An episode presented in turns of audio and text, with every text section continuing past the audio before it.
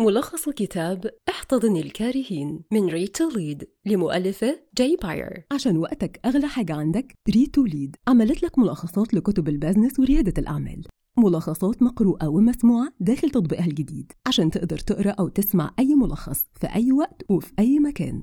حمل التطبيق دلوقتي من خلال Apple Store أو Google Play Store Read to Lead كلنا نحب المديح ونحب الذين يمدحوننا. ولكن في الواقع هناك أسباب وجيهة لتقدير منتقد شركتك بقدر ما تعتز بآراء المعجبين. فهؤلاء النقاد هم الذين يخبرونك بما يجب عليك فعله لجعل الأمور أفضل مما هي عليه بالفعل. لكن ما هي أفضل طريقة للتعامل مع النقاد؟ هذا أحد الأسئلة التي تجيب عنها صفحات هذا الملخص المميز. فهو سؤال حيوي لأنك إذا لم تتعامل مع الشكاوى بشكل جيد فسيتخلى عملاؤك عن شركتك إلى الأبد. ويخبر الجميع على فيسبوك أنك شركة سيئة. ولكن إذا قمت بالتعامل معهم بشكل صحيح فيمكنك تحويل العملاء الأكثر غضبا وإحباطا إلى متابعين مخلصين. تقدم هذه الصفحات الكثير من النصائح الجيدة حول كيفية جذب نقاد شركتك عبر الإنترنت وخارج نطاقه. وعلى طول الطريق سوف تكتشف لماذا يسعد عملاء Fresh Brothers Pizza إذا وصلت البيتزا متأخرة عن ميعادها الأصلي؟ ما هو العامل السيء في تعليق عميل غاضب؟ لماذا يصبح الركاب الذين ينسون أشياءهم في مطار سكيبول بأمستردام معجبين رائعين بالخطوط الجوية الملكية الهولندية؟ من الأهمية بمكان أن يستجيب عملك جيدا لشكاوى العملاء هل تستمتع بالاتصال بالخطوط الساخنة لدعم العملاء؟ هل تم وضعك على خاصية الانتظار لساعات والاستماع أثناء ذلك إلى موسيقى؟ أو هل تجعلك هذه التجربة تتساءل لماذا تستثمر الشركات مبالغ طائلة في الإعلان لجذب عملاء جدد في المقام الأول بينما تستثمر لا شيء في خدمة العملاء؟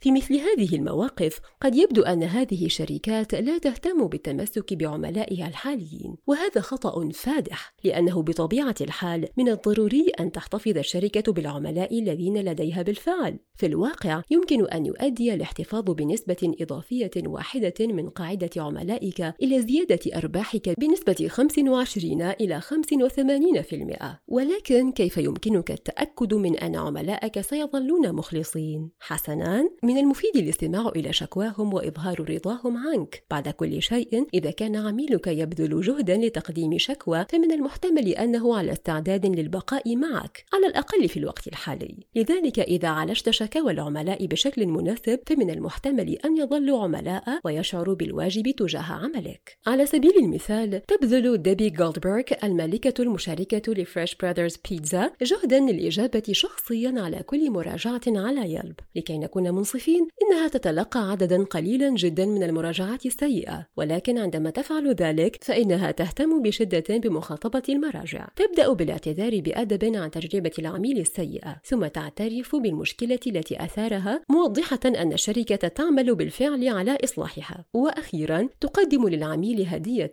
مؤكدة أنها تهتم بتعويضه عن مشكلته. من خلال اتباع هذه الخطوات البسيطة والتي كانت لصالحهم احتفظت جولدبرغ بعدد لا يحصى من العملاء الذين كانت الشركة ستخسرهم لولا ذلك التصرف العقلاني. تعلم من ملاحظات العملاء وكن أكثر استيعابا من منافسيك. تخيل أنك في فصل رقص للاستعداد لحفل الزفاف. إذا لم يخبرك المدرب أبدا أنك تحطم حياة شريكك فستستمر في فعل ذلك. هذا لأننا نحتاج أحيانا إلى ملاحظات سلبية لتحسين أدائنا. وفي حالة الشركات تأتي هذه التعليقات عموما من العملاء. بعد كل شيء الشكاوى هي نظرة ثاقبة لعملك يمكن أن تساعدك على تلبية احتياجات عملائك بشكل أفضل. في الواقع سيهتم 5% فقط من عملائك بما يكفي للشكوى مما يجعل الاستماع إليهم عند قيامهم بذلك أكثر أهمية. فقط تذكر أنه من المحتمل أن يكون 95% من العملاء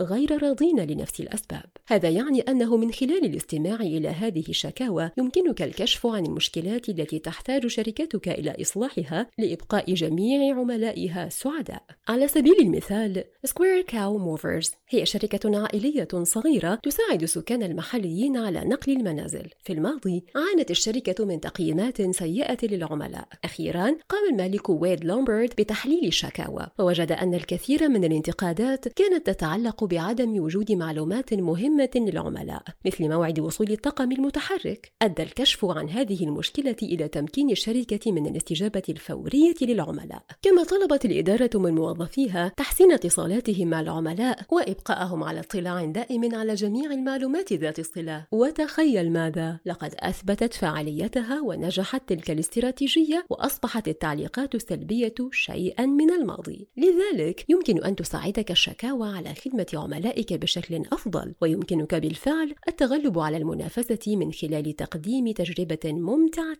للعملاء.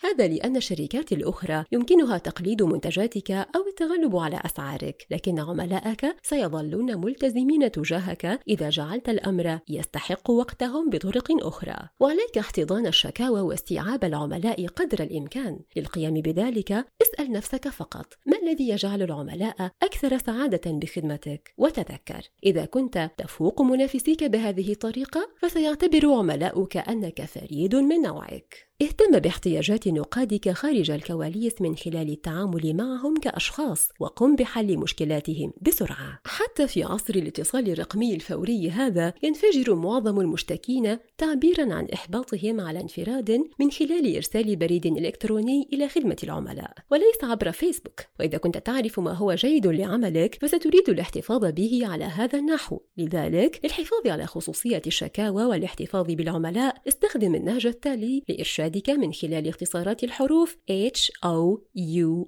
R S. أولاً كن إنساناً. وهذا يعني التفاعل مع عملائك بطريقة أنيقة وإظهار أنك تراهم كأشخاص وليس مجرد نقاط بيانات. للقيام بذلك تحتاج إلى إظهار قلقك وتجنب الرسائل المسجلة والمحفوظة. على سبيل المثال يتصل الدكتور جلين غوراب جراح الفم بجميع عملائه الجدد قبل زيارتهم الأولى ليسألهم عن أي مخاوف قد تكون لديهم. وفي حالة ظهور أي مضاعفات جراحية فمن المؤكد أنه سيبقى على اتصال اتصال وثيق بالمريض ويوضح له أنه مهتم. ربما لهذا السبب وخلال ثلاثين عاما من الممارسة الجراحية لم يواجه دعوى قضائية واحدة. ثانيا لحل المشاكل الصوتية للمتذمرين من الضروري أن تستخدم قناة واحدة فقط. هذا يعني أنه لا ينبغي عليك أبدا إحالة العملاء إلى شخص أو موقع آخر. وعلى كل حال فالمتذمرون منزعجون بالفعل وعاجزون ويتطلعون إليك لإيجاد حل. لذلك إذا قمت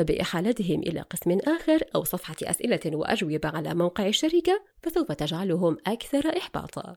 وأخيرا أنت بحاجة إلى توحيد تاريخك بحيث يتم تجميع وحدة المعلومات والبيانات لإنتاج أفضل الحلول التي تقدم حلا ومعالجة لمشاكل العميل الخاص بسرعة كبيرة واستجابة إيجابية. هذا يعني أنه يجب عليك توثيق جميع شكاوى العملاء وإذا أشار مقدم الشكوى إلى مشكلة معينة في شركتك فعليك معالجتها. إذا لم يفعلوا ذلك يمكنك إرسال قائمة الشكاوى إلى فريق خدمة العملاء الخاص بك. لتبادل الأفكار لمساعدة العملاء في المستقبل. تتمثل أفضل استراتيجية هنا في تجميع هذه الحلول في مستند Go To الذي يسمح لفريقك بخدمة العملاء بسرعة قبل أن يرحل عملاؤك المحبطون. لاستعادة التفضيل المهني لمن ينتقدوك ابحث عنهم وأظهر لهم اهتمامك وتجاوب مع مشكلاتهم علنا. الشخص الذي ينتقد شركتك علنا لا يتوقع بالضرورة منك الرد عليه ولكن يجب عليك ذلك دائما. للقيام بذلك يمكنك استخدام technique الـ technique المتبع وفقا لهذا الاختصار.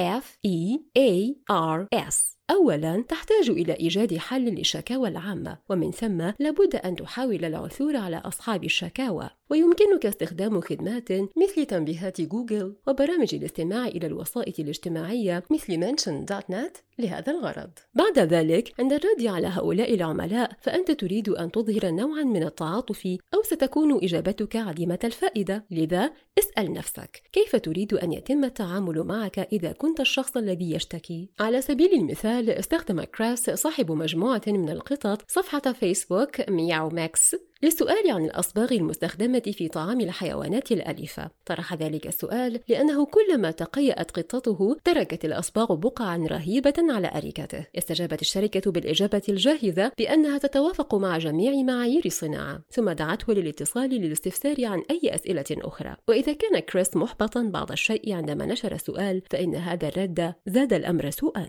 من ناحية أخرى كان من الممكن أن تساعد الإجابة المتعاطفة للمحافظة على سمعة الشركة. على سبيل المثال كان من الممكن أن يدركوا كم هو منزعج عندما تتقيأ قطة ويقترح حلا لمشكلة كريس. لذا فإن التعاطف هو المفتاح. ولكن من المهم لتحقيق التأثير الأكبر إجابة الأسئلة علنا. لا تقم بالرد أكثر من مرتين وقم بتغيير القنوات الاتصالية إذا لزم الأمر. على سبيل المثال للإشارة إلى أنك تهتم بآراء عميلك ولا تخفي أي شيء يجب أن يكون ردك الأول على المشتكي في منتدى مفتوح علنيا. لكن هذا لا يعني أنه يجب عليك الانسياق إلى مناقشة فإن مثل هذه الردود المتواصلة والمناقشة الطويلة هي إهدار للوقت ولا تقدم فوائد إضافية. أخيرا بعد إجابتك العامة الأولية قد تحتاج إلى استخدام قناة مختلفة مثل البريد الإلكتروني لحماية خصوصية عميلك ولتجيب على سؤاله بالتفصيل. تحتاج الشركات إلى الرد على التعليقات عبر جميع القنوات. كل يوم ننمو يصبح العالم أكثر تشعبا وارتباطا من خلال مجموعة متنوعة من القنوات عبر الإنترنت من الشبكات الاجتماعية إلى بوابات التصنيف وتأثير هذا الاتصال التكنولوجي على عالم الأعمال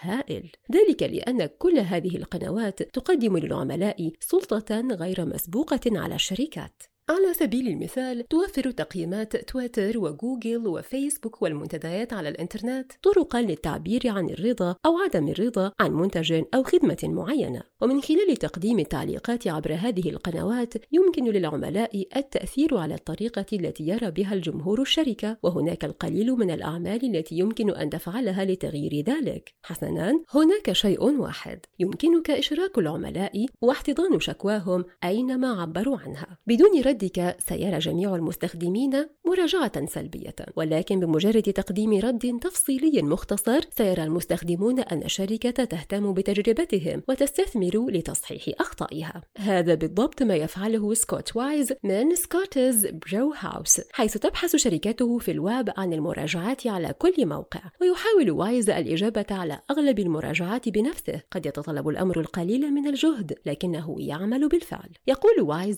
إن تقديم الرد الصحيح يمكن أن يحول أكثر المتذمرين حماسة إلى أكبر معجبيه. لكن من المهم أيضا تحديد المسؤول عن إجراء هذه الردود. ففي كل الأحوال إنها مهمة تستغرق وقتا طويلا. ومن المحتمل أن فريقك لديه بالفعل الكثير من المهام. لحل هذه المشكلة شكلت ديل فريقا إضافيا يسمى المجتمعات والاتصالات التي تتعامل مع منتديات دعم العملاء وتراقب ملاحظاتها على الإنترنت. قد يخيفك إشراك عملائك في المجال الرقمي. لكن الخوف لن يؤدي إلا إلى تفاقم الوضع. تذكر أن القوة في أيدي العملاء في الوقت الحالي. ومع تطور التكنولوجيا فإنها ستتركز عليهم فقط بصورة أكبر. تعامل مع مشاكل عملائك بشكل استباقي وسيكونون مخلصين مدى الحياة. يعتبر الرد على الشكاوى امرا اساسيا. ولكن لماذا تنتظر الشكوى؟ إذا كنت تريد أن يقدرك عملاؤك فمن الأفضل تصحيح الخطأ على الفور قبل أن يتاح الوقت لأي شخص لذكره. في الواقع يمكنك في كثير من الأحيان منع العملاء من الشكوى من خلال تعويض الأخطاء